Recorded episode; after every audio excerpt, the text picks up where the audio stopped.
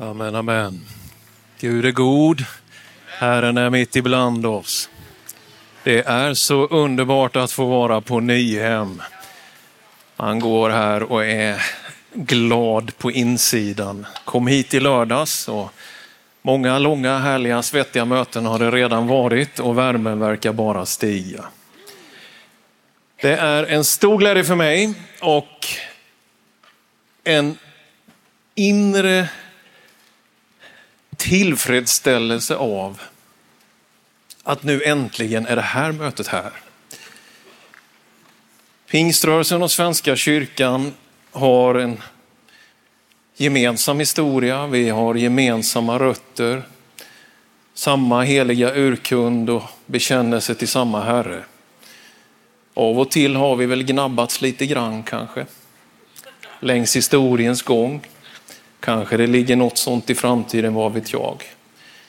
När jag var helt ny vald och avskild till föreståndare för pingst, det första officiella brev jag fick kom från ärkebiskop Antje Jackelén och det hade rubriken Broder. 2017 så predikade vi tillsammans i högtidlighållandet av reformationen i Uppsala domkyrka och ärkebiskopen gav mig möjlighet att välja predikotext och vi hade en dialogpredikan om Elisa och profetlärjungarna, om det borttappade yxjärnet, de olika generationerna, om att få gå vidare men att också gå tillsammans. Jag har lärt känna dig som en oerhört ambitiös, noggrann, alltid väl förberedd och med en intellektuell kapacitet som få. Du företräder Sveriges historiska statskyrka och vår nuvarande majoritetskyrka. Du har en höghet i din egen person, så ditt ämbete har gett dig säkert många ingångar. Men det är också din personlighet som har öppnat så många dörrar. Vi är oerhört tacksamma och hedrade att du vill besöka Nyhemsveckan. Du kommer från Genève och är på väg till Island. Men vad går upp emot Nyhem?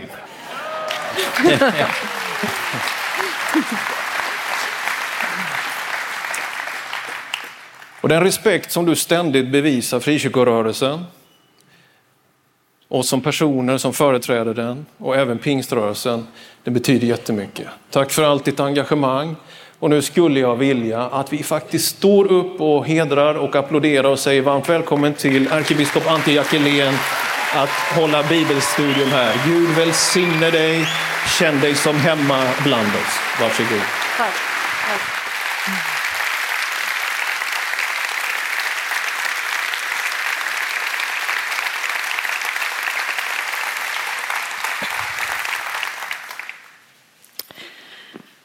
Ja, god morgon. Och det här är ju nåd att få applåden innan man har gjort någonting.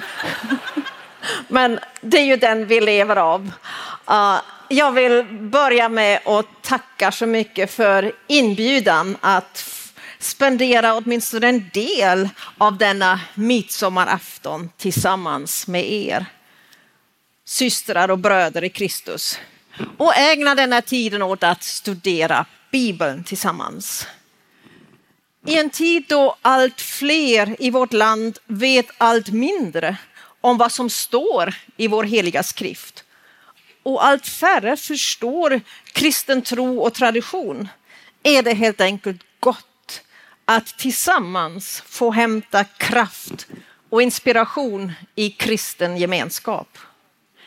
Och att få vara ohejdat from utan att behöva översätta i en sekulär kontext som vi ju så ofta behöver och ska göra också. Det var lätt att tacka ja till denna inbjudan när er föreståndare Daniel Alm frågade. Och jag minns också med stor glädje den här dialogpredikan som Daniel och jag hade tillsammans i Uppsala domkyrka då 2017 när vi högtidlighöll 500 år av reformationen. Under flera år har Daniel och jag också haft ett mycket gott samarbete i styrelsen och i presidiet för Sveriges kristna råd och där försökt tillsammans att hitta den gemensamma kristna rösten i vårt land. Vi vet ju att Jesus inte bara älskar de som tror eller en viss grupp av dem som tror, utan att han gav sitt liv för hela världen. Som det ju står i Johannes 3.16, så älskade Gud världen att han gav sin enda, den sin enda son och ni kan ju fortsättningen. Men sen en vers efter som vi inte citerar lika ofta, den sjuttonde versen, den heter Ty Gud sände inte sin son till världen för att döma världen, utan för att världen skulle räddas genom honom. Så vi har en av Gud älskad värld tillsammans. En värld som behöver evangeliet, de goda nyheterna mer än någonsin och som behöver dem både i ord och i handling. Och därför är det ju ganska självklart att det ekumeniska arbetet, samarbetet mellan olika delar av den stora kristna kyrkan har blivit allt viktigare, också mera självklart. Mellan de olika grenarna i kyrkans stora träd finns det ju mer som förenar oss än vad som skiljer oss åt. Skaparen har gett oss djupa rötter i jorden. Och själva stammen, Jesus Kristus, håller ihop oss. Och andens vind, den susar genom grenverket och rör vid vartenda löv. Och på det viset bär vi i kyrkofamiljerna utmaningar och svårigheter tillsammans. Vi ber tillsammans och vi bär gemensamt ett kristet vittnesbörd i vårt samhälle. I början av mars, det var bara några dagar efter att Ryssland hade anfallit Ukraina, så var jag i ett möte digitalt möte där också en teolog från Ukraina deltog, från Lviv. Och han sa då i början på mars, det här är ett apokalyptiskt ögonblick för alla kyrkor, för alla kristna. Och då menade han med apokalyptiskt inte katastrof eller undergång, utan det som ordet egentligen betyder avslöjande. Avslöjande. Det här är ett eh, eh, avslöjande ögonblick, sa han, då det blir tydligt vad som kristna egentligen går för. Vad händer med vår tro när den prövas av bomber och granater, av våld och hat? Den här teologen imponerade på mig genom att han, trots att kriget just hade börjat, redan tänkte vidare. Det kommer en tid då vi behöver försonas, sa han. Det var djärvt. Men försoning, hur centralt är inte det temat i vår tro och i vårt liv? Vi litar på att vi genom Jesus är försonade med Gud. Och med aposteln Paulus vädjar vi till andra. Jag ber er på Kristi vägnar, låt försona er med Gud. Han som inte visste vad synd var, honom gjorde Gud till ett med synden för vår skull, för att vi genom honom skulle bli ett med Guds rättfärdighet. Andra Korintier 5. Vi har alltså goda skäl att leva försonade liv. Försonade med Gud, med hela skapelsen, med varandra och också med oss själva. Med rätta lovsjunger vi Jesus, vår befriare, vår frälsare, vår försonare. Och ändå. Och ändå känns livet inte alltid helt försonat. Det är ju inte alls säkert att vi i varenda stund känner frid med Jesus. Och när vi ser bilder på skövlade skogar, förorenade hav och klimatförändringarna påminner oss om att dagligen att vi inte lever i fred och försoning med skapelsen. Och hur ska stridande folk nå försoning? Och hur ska vi nå försoning med vårt urfolk, samerna, som lidit av kolonialt förtryck med rasbiologiska förtecken och som idag möter vardagsrasism från oss helt vanliga svenskar. Det finns de som säger att kristna kan vara mer oförsonliga mot varandra än människor som inte tror eller har en annan tro. Och ovanpå det, hur ofta plågas vi av att vi har svårt att försona oss med oss själva. De vi har varit, de vi är och de vi kommer att bli. Så försoning är en central punkt i livets alla dimensioner. I det personliga, i mötet mellan oss människor, mellan oss och övriga skapelsen och mellan oss och Gud. Och därför har jag idag valt två berättelser om försoning för vårt bibelstudium. Och jag börjar med en berättelse ur Gamla testamentet som handlar om försoning mellan två bröder efter många år av fiendskap och söndring. Så texten kommer från första Moseboken 33 kapitel, verserna 1 till 17. Jakob försonas med Esau. Och så läser jag texten då. Jakob fick se Esau komma med 400 man i följe. Han fördelade barnen på Lea och Rakel och de båda slavinnorna. Slavinnorna och deras barn lät han gå främst, Lea och hennes barn bakom dem och sist Rakel och Josef. Själv gick han framför dem. Han bygade sig sju gånger till jorden medan han gick fram till sin bror. Men Esau skyndade emot honom och tog honom i famn. Han föll honom om halsen och kysste honom. Och de grät. När Esau fick se kvinnorna och barnen frågade han, vilka är det du har där? Jakob svarade, det är barnen som Gud har skänkt mig, Herre. Så steg slavinnorna fram tillsammans med sina barn och bygade sig till jorden. Därefter steg Lea fram med sina barn och bygade sig.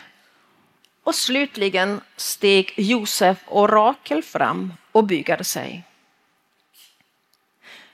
Esau sa, den där stora skaran jag mötte, varför skickade du den? För att vinna din välvilja, Herre, svarade Jakob. Jag har vad jag behöver, sa Esau. Behåll vad du har, broder. Men Jakob sa, nej, jag ber dig, visa mig välvilja och ta emot min gåva. Jag har ju kommit inför dig så som man kommer inför Gud och du har inte avvisat mig. Därför ber jag dig, ta emot gåvan som jag lät föra till dig. Gud har varit god mot mig och jag har allt jag behöver. Och Jakob bad honom så enträget att han tog emot gåvan. Esau sa, låt oss nu bryta upp och dra vidare. Jag slår följe med dig. Men Jakob svarade, som du ser herre är barnen små. Jag måste också tänka på mina tackor och kor som ger di. Driver man dem för hårt en enda dag så dör hela jorden. Därför ber jag dig, Herre, att du går i förväg så jag kan följa långsamt efter med tanke på djuren jag har att driva och med tanke på barnen tills jag kommer fram till dig i Seir. Esau sa, låt mig åtminstone få lämna kvar en del av mitt folk hos dig. Ta inte illa upp, herre, svarade Jakob, men det behöver du inte. Redan samma dag återvände Esau till Seir. Men Jakob begav sig till Sukot där han byggde sig ett hus. För boskapen gjorde han skjul och därför fick platsen namnet Sukkot.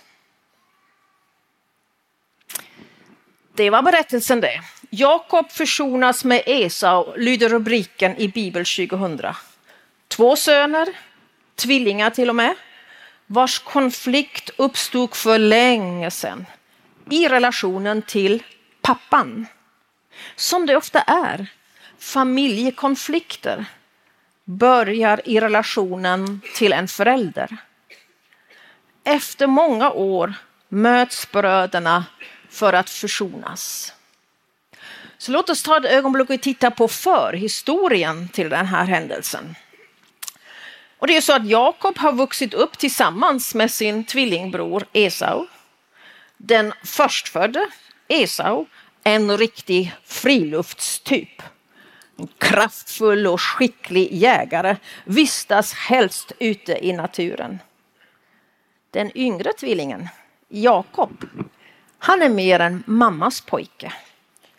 Han trivs helst hemma. Och listig är han. Till priset av en linssoppa får han Esau att sälja den på den tiden så viktiga förstfödslorätten till honom.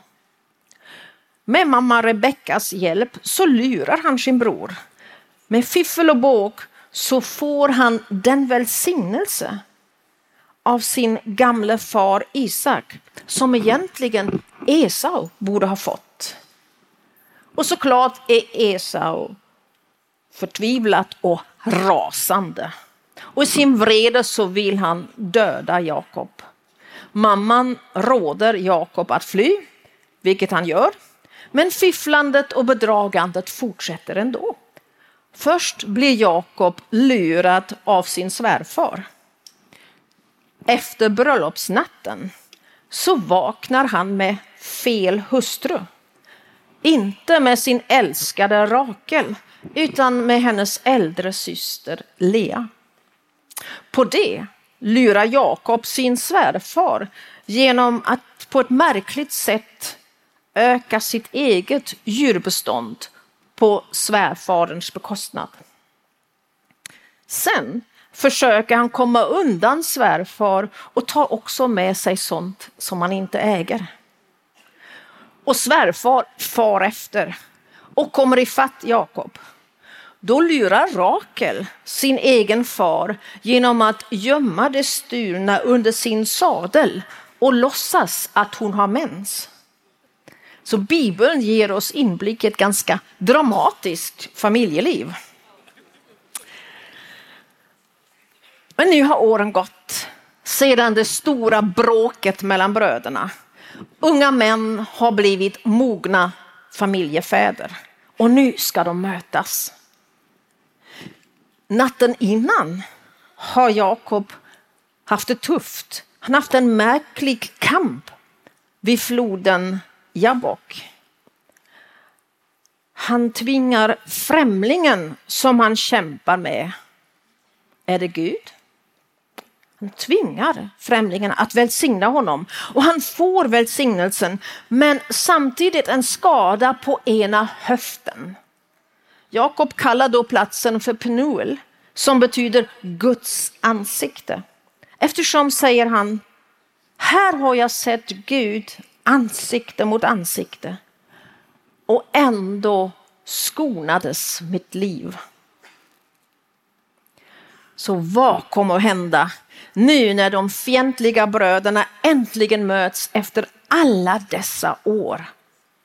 Det är ju inte alls givet att det här går väl och leder till försoning. Riskerna är stora. Och så tittar vi lite närmare på själva mötet. Och det är ju såklart en haltande Jakob som kommer där. Han har ju fått en skada på höften. Men han är dubbelt välsignad. Först pappans välsignelse som han hade lurat sig till och sen välsignelsen som han hade kämpat sig till där via bock. Men jag undrar lite grann, vad exakt har den här välsignelsen åstadkommit i Jakobs liv? Är han nu utan rädsla därför att han är välsignad? Nej, inte alls. För när han ser Esaus 400 man framför sig så blir han rätt skräckslagen. Har han ett bättre skydd genom välsignelsen, den dubbla välsignelsen? Ja, inte så det märks direkt. Han är ju mycket medveten om att det kan bli konflikt. Och att då ryker kanske inte bara hans egendom, utan då handlar det också om hustrurnas och barnens liv. Har välsignelsen gjort honom tryggare och säkrare på sin sak? Nej. Han planerar ju för att det kan bli bråk, ja rent av våldsamheter. Och då kan det bli katastrof. Inte bara för slavinnorna och deras barn som sätts i första raden, utan också för Lea och hennes barn och Rakel med unge Josef. Och då kan man såklart undra, vad har han egentligen vunnit genom den där dubbla välsignelsen? Vad är välsignelsen värd? Det undrar ju trons belackare ibland. Men inte bara dem. I Jakobs fall skulle jag tro att det är det där modet att våga ta itu med sitt förflutna. Och ödmjukheten i att närma sig brodern som han har lurat. Han inser hur lite världslig makt och rikedom är värda om de inte åtföljs av rättvisa och helade relationer. Kanske detta att Jakob kan inse och ta det steget som vi ser att välsignelsen blir verksam. Jakob, den framgångsrike stamfadern, patriarken, låter sina fruar och barn och oss med bevittna en storartad uppvisning i ödmjukhet. Det kan inte vara lätt inför barnen, inför fruarna, när det var så patriarkalt som det var då. Hela sju gånger kastade han sig till marken inför sin bror. Och kom ihåg, han haltade. hade ont i höften. Det måste ha gjort förfärligt ont att både komma ner och komma upp igen. Sju gånger. Och så kan han inte veta hur Esau kommer att reagera efter alla dessa år. Är vreden verkligen borta? Eller flammar den upp på nytt när Esau får syn på Jakobs stora familj? Jag menar, den där avunden som kan väckas då, den kan åstadkomma så mycket. Kommer Esau att välja oförsonlighetens eller till och med våldets, vedergällningens väg? Jakob måste vara beredd på att förlora prestige, egendom, familj, i värsta fall till och med livet. Och så läser vi då att Esau springer emot Jakob. Han kramar om honom. Han kysser honom. Båda gråter. Känslor talar. Försoning blir möjlig. Är det här vi återigen ser välsignelsens kraft? I det att Jakob för en gångs skull kan vara rak och äkta. Äkta i sin självinsikt i sin ånger, i sin ödmjukhet. I det att Esau faktiskt förstår språket och accepterar det. Att Jakob låter sig omfamnas och att bådas tårar får strömma fritt. Det som har hänt suddas inte ut. Smärtan är inte bara borttvättad. Men i dessa tårar finns ändå möjligheten till en ny relation. Och i detta tror jag vi ser välsignelsen. Guds välsignelse är ju inte något vi bär omkring oss som en egendom. Välsignelse har med ansikte att göra. Vänd ditt ansikte till oss. Med ett ansikte som ser oss, som möter oss. Guds ansikte i Jesus Kristus som ser på oss med välvilja. Välsignelse söker ögonkontakt. Välsignelse vill relation. Esau han, han tittar upp och han tittar runt. Han frågar efter familjen, efter Jakobs välstånd, hans djur. Som man gör i en sån situation. Och presenter från Jakob vill han inte ha. Nej, jag har själv nog, behåll det som är ditt. Och Jakob säger emot. Han argumenterar utifrån Guds välsignelse. Minnet av den gångna nattens kamp finns tydligt med. Ta nu emot min gåva. Jag har ju kommit inför dig så som man kommer inför Gud och du har inte avvisat mig. Då tar Esau emot gåvan. En gottgörelsegåva? Frågetecken. Till försoning hör alltid känslor, tårar, att se den andra och hans eller hennes situation. Till försoning hör också att be om ursäkt eller förlåtelse. Och till försoning hör också någon form av gottgörelse. Att se, att be om ursäkt, be om förlåtelse och försöka gottgöra. Så långt är allt väl. De två har försonats, nu kan livet fortsätta. Men hur? Hur fortsätter man efter försoningen? Esau föreslår ju i texten att de ska gå vidare tillsammans. Aldrig mera bråk. Nu går vi sida vid sida vidare genom livet. Om vi skulle sammanfatta denna historia på Instagram då skulle vi nog posta en bild på de två bröderna som arm i arm har börjat gå vidare. Visst är det snyggt? Ja.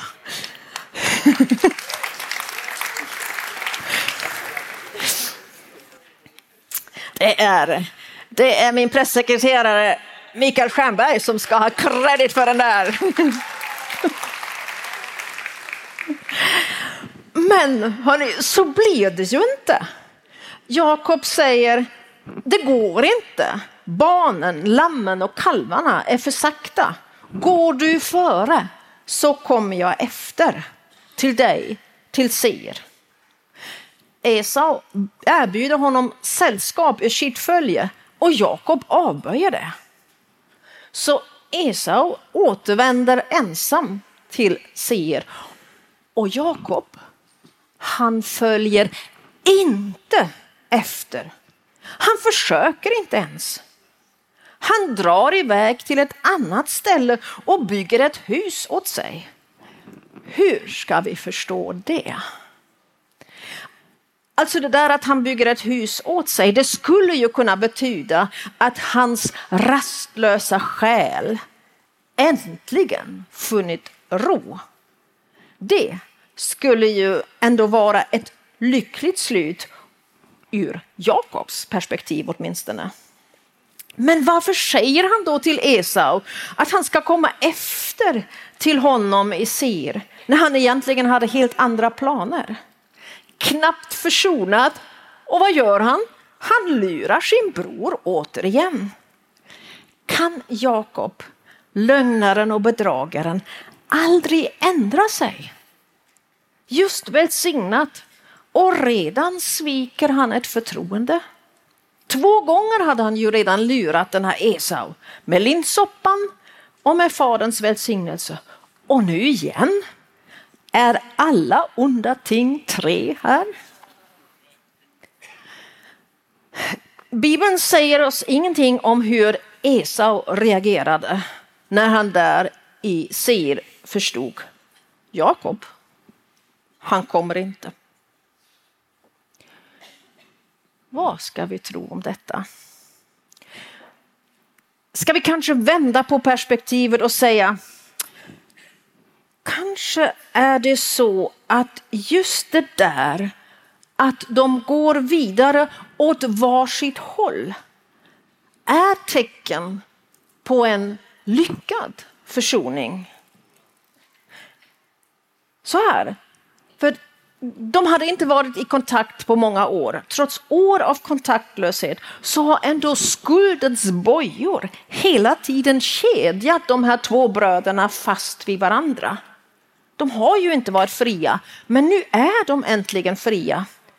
Försoning kan ju också betyda att två som genom osaliga band har varit fjättrade vid varandra nu äntligen kan bli fria från varandra och ta sig an livet och nya relationer som fria människor.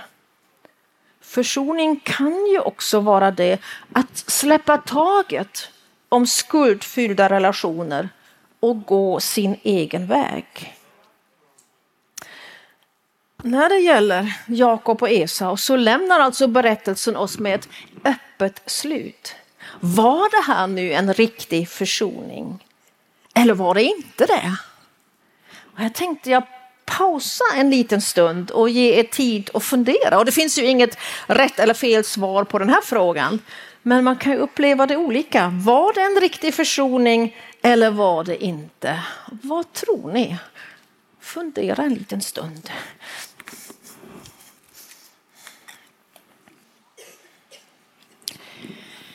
Jaha, vad tror vi? Hur många tror att det var en riktig försoning? Ja, hur många tror att det inte var en riktig försoning? Så vitt jag kan se så var det fler som tyckte det var en riktig försoning. Jaha. Uh, jag tänkte, vi vet, vi har ju faktiskt inte svaret eftersom berättelsen är öppen. Men jag vill gå till en nytestamentlig parallell en liten stund här. Och det är kanske inte bara jag som har tänkt på just en nytestamentlig parallell historia. Nämligen liknelsen om den förlorade sonen som Jesus berättar i Lukas 15, 11-32. Och den tror jag är så välkänd att jag inte behöver läsa den texten. Men vet jag, också där är det två bröder. Också där är det den yngre som gör bort sig. I det här fallet genom att han slösar bort föräldrararvet. Och den äldre som känner sig orättvist behandlad. Även om han strängt taget inte är det så kan man ha respekt för hans känslor där. Så kommer slösaren till insikt och ångrar sig.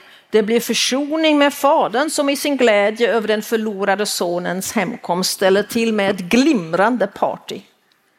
Och just genom det, just genom den här generositeten förstärks oförsonligheten hos hemmabrodern. Här har jag slitit och jobbat för dig alla dessa år utan att du har ställt till med någon enda fest, säger han. Men när den här odågan som har slösat bort din egendom i sus och dus kommer hem, då minsann åker självaste gödkalven fram. Och i den stämningen, i den känslan, i den vreden så stelnar han till och blir ju därmed en förlorad son för glädjen. Förlorad för glädjen, förlorad för Guds glädje. Och även den berättelsen har ju egentligen ett öppet slut. För vad händer sen efter partyt? Nästa dag och nästa, nästa dag. Kan den hemkomna sonen verkligen stanna hemma? Vad händer då med den ursprungliga hemmasonen, kommer han då att känna sig tvungen att ge sig av? Är det mest realistiska scenariot att bröderna till sin fars stora sorg mer eller mindre fredligt skiljs åt för att gå sin egen väg? Eller kommer de kunna leva försonade med både Fadern och med varandra och dessutom nära varandra? Nära i rummet. Eller nära i känslan men ändå åtskilda i rummet. Så båda de här berättelserna har alltså på sätt och vis ett ovisst slut. Men båda har en poäng. Försoning kostar. Vi vet vad den kostade Jesus. Och mänskligt sett kostar försoning till en början självövervinning. Att övervinna det egna motståndet mot att ta det där första steget. Mot att medge skuld eller vad det vara må. Det kräver ju också, försoning kräver också beredskapen att ta risker. Som vi såg, resultatet av försoningsprocesser går inte att förutsäga med säkerhet. Det kan, försoning kan resultera i ny nära gemenskap. Men den kan också leda till att behöva släppa en relation frivilligt eller ofrivilligt. Försoning kostar, även för Gud. Jesus som på korset försonade oss alla bar ju ännu som uppstånden lidandets sår på sin kropp. Det var ju inte genom hans härlighet som vänner som Thomas kände igen Jesus som uppstånden, utan genom hans sår. Han som helar andra bär själv på sår. A wounded healer som vi också säger. Och Jakob, han haltade fram till sitt försoningsmöte med Esau. Den uppståndne försonaren Jesus Kristus visade sina sår för Thomas. På sina sår lät han känna igen sig. Så försoningsarbete kräver styrka, framförallt inre styrka och sårbarhet på samma gång.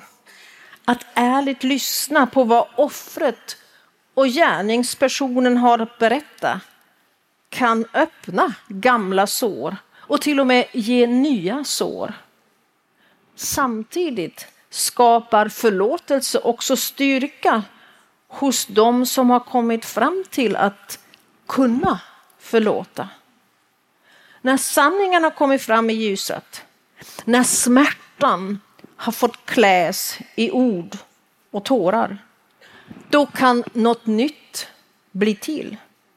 Genom förlåtelse kan trasiga relationer bli helade. Genom förlåtelse går det att släppa taget om relationer som inte kan bli helade. Vi vet ju alla att det är en konst att leva.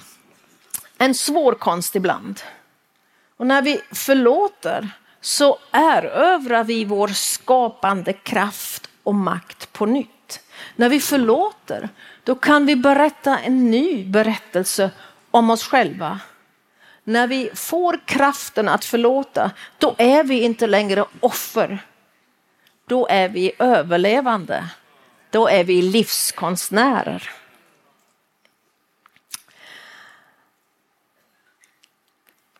Orkar ni lite till? Ja, bra, för nu tänkte jag titta lite teologiskt på det här utifrån aposteln Paulus som ju talar så starkt om försoning. Eh, som i den text som jag redan citerade ur andra Korintierbrevets femte kapitel. Ty Gud försonade hela världen med sig genom Kristus. Han ställde inte människorna till svars för deras överträdelser och han anförtrodde mig budskapet om denna försoning. Jag är alltså Kristi sändebud och Gud manar er genom mig. Jag ber er på Kristi vägnar, låt försona er med Gud. I försoningens ljus ser människor och världen annorlunda ut. Men hur kan vi tala om det idag? Hur kan vi tala om försoning med Gud så att människor både begriper och blir gripna? Och det är så att olika tider och olika traditioner har klätt den här uppmaningen låt er försona med Gud i, i olika ord och bilder. Det har väl kanske aldrig funnits bara ett enda sätt att tala väl om försoning. Men ibland har ett sätt att få dominera. Som till exempel att tala om försoning som vore det en rättsprocess det blir lätt ganska fyrkantigt och långt ifrån det där glada och saliga bytet som Martin Luther talade om. Det är att Jesus tar vår synd och vi får hans rättfärdighet. Dagens sekulariserade människor har ju sällan lätt att ta till sig uttryck som blodet som renar, ett lamm som blir slaktat och dom och straff. Därför tror jag att det är ganska nyttigt om vi föreställer oss att försoning mellan Gud och oss sker i olika rum och miljöer. Guds ande vill ju ta tag i oss där vi är och inte bara på förutbestämda sätt. Och Bibeln och kyrkans tradition talar om flera olika miljöer där försoning sker. En klassiker är just det där med rättssalen där Gud som domare hanterar skuld och gottgörelse, där djävulen är åklagare och Jesus tar på sig straffet. Men vi kan också tänka oss försoning i skolmiljö. Ett bildningsprojekt där vi lär oss med Jesus som den stora läraren i livets skola.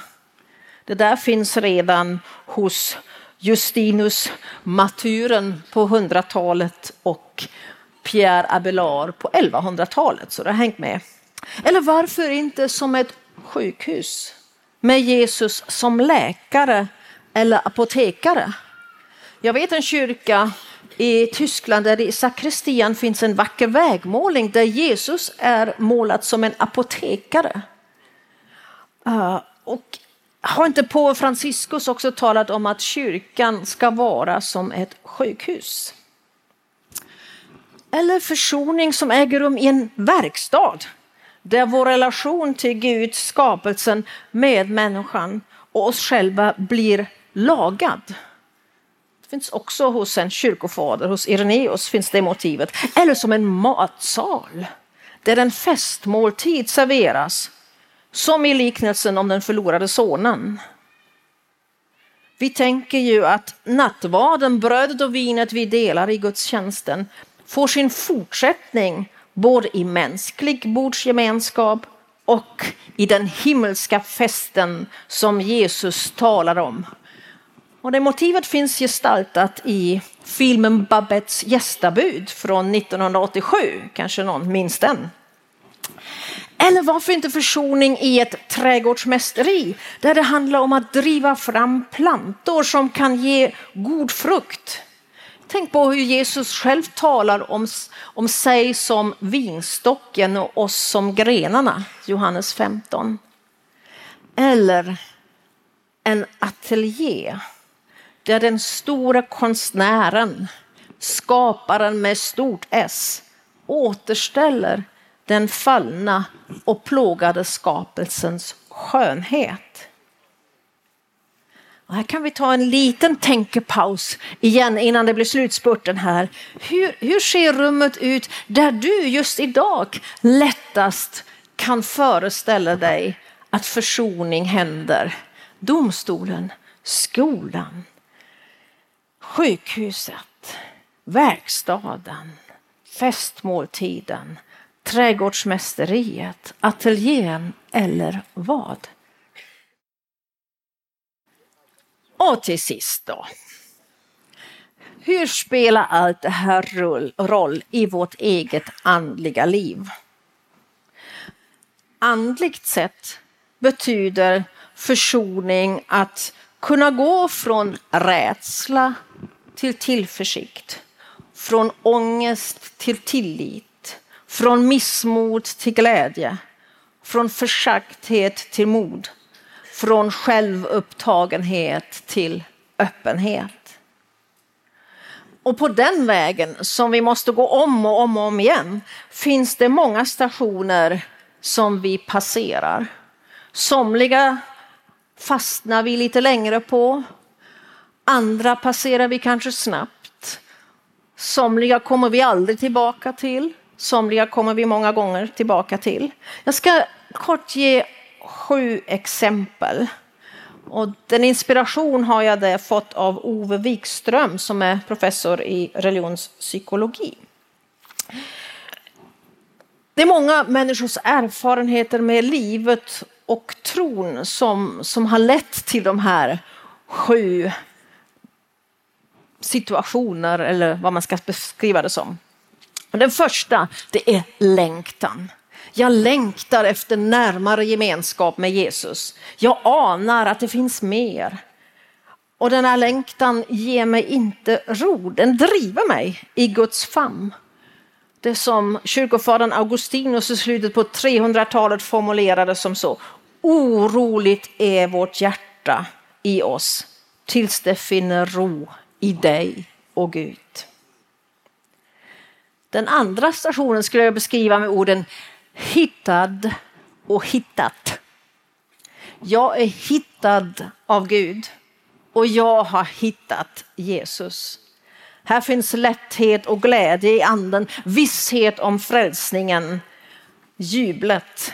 Denna station eller fas kan ju ge och ger ofta upphov till starka känslor som kan driva oss åt olika håll. Den stora entusiasmen kan ju smitta av sig till andra, men den kan också göra oss främmande för andra. Tredje stationen, reglerna styr. Någon ordning måste det ju vara på det kristna livet. Vad hör egentligen ihop med en kristen livsstil och vad gör inte det? Duger jag? Blir jag någonsin tillräckligt bra? Tillräckligt fast i min tro?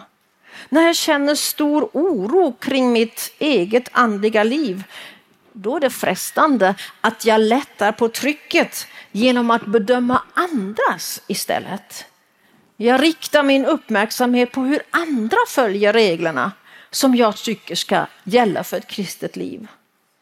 Så på regelstationens baksida lurar ett obarmhärtigt dömande. Fyra, nåden bryter igenom. Jag inser att jag aldrig kan förtjäna frälsningen. Det är Gud som ger. Jag får ta emot. Drabbad av nåden, som en teolog har beskrivit det.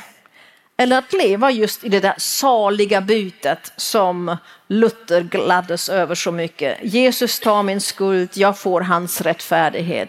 Jag är fri och försonad. Fem. Själens mörka natt. Många av trons stora förebilder har erfarenhet av själens mörka natt. Gud är dold och Gud känns oändligt långt borta. Tron är på ökenvandring.